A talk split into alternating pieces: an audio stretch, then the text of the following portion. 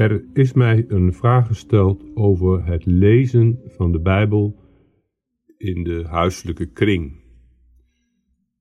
Meestal lezen wij de Bijbel na de maaltijd en misschien ook s'avonds als we naar bed gaan.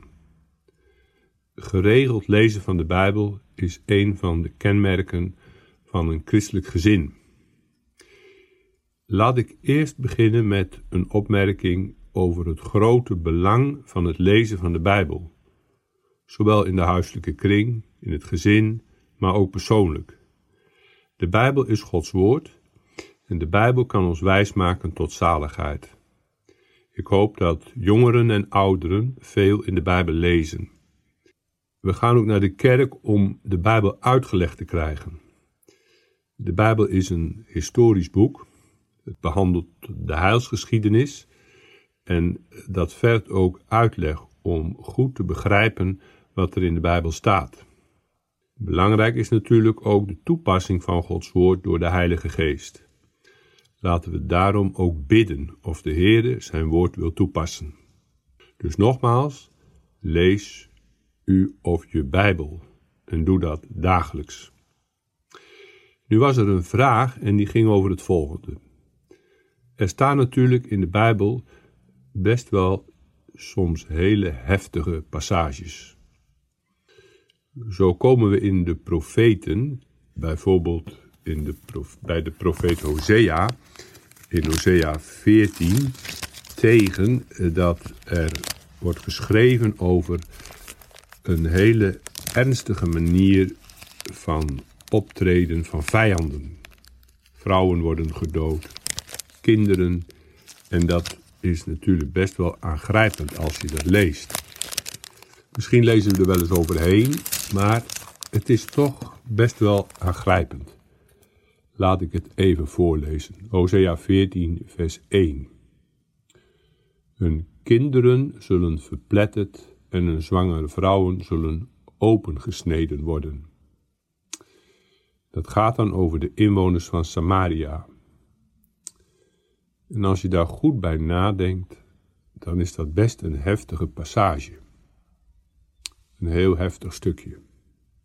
Moet je dat nou voorlezen aan tafel met kleine kinderen? Je ziet hetzelfde in het boek Richteren. Bijvoorbeeld Richteren 15 lezen, dan staat er in Richtingen 15, vers 15 dat Simson met een ezelskaak duizend man heeft verslagen moeten we ook niet gering over denken. Met één ezelskaak worden er duizend mensen gedood. Dat is natuurlijk best ingrijpend. We moeten daar ook even over nadenken. We komen dit soort berichten natuurlijk ook vandaag wel tegen. Bij Bagmoed sterven ook soldaten. We lezen er ook over in de krant. Daar sterven Russische soldaten. Daar sterven Oekraïense soldaten. En ook daar vloeit er heel veel bloed. Dat is helaas de werkelijkheid van een gevallen en zondige wereld.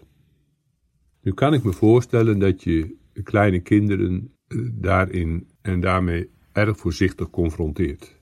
Je gaat denk ik ook niet aan hele kleine kinderen filmpjes laten zien van wat er gebeurt in Bagmoed ik kan me die aarzeling wel voorstellen dat ouders denken: moeten wij nu onze kinderen dit gaan voorlezen?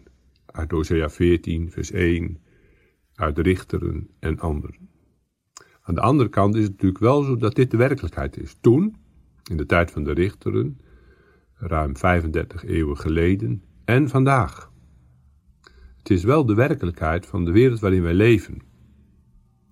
Soms komt die wereld ook heel dichtbij dan lezen we in de krant over een moordaanslag in Amsterdam. Dat is ook heel ingrijpend. En daarom zou ik als conclusie willen formuleren dat we met kleine opgroeiende kinderen natuurlijk sommige delen in de Bijbel niet moeten lezen. Zelf lees ik bijvoorbeeld aan tafel nooit geen geslachtsregisters. Al die moeilijke namen. Dat is meer voor studie persoonlijk enzovoorts. Aan de andere kant moeten we wel proberen de hele Bijbel. Maar laten we ook proberen daarin eh, dan voorstandig te zijn. Kijk, de evangeliën kun je gewoon lezen. De geschiedenis van Jozef kunnen we lezen. En het is ook goed om daar af en toe eens een vraag bij te stellen.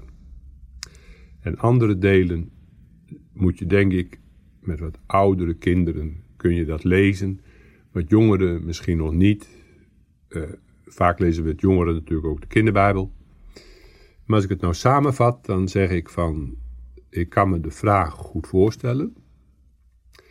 Het is wel een eerlijke weergave van wat er allemaal in de geschiedenis is gebeurd. En ook vandaag nog gebeurt. En onze kinderen worden natuurlijk ook als ze ouder worden op de basisschool wel geconfronteerd met oorlogen en de verschrikkingen daarvan.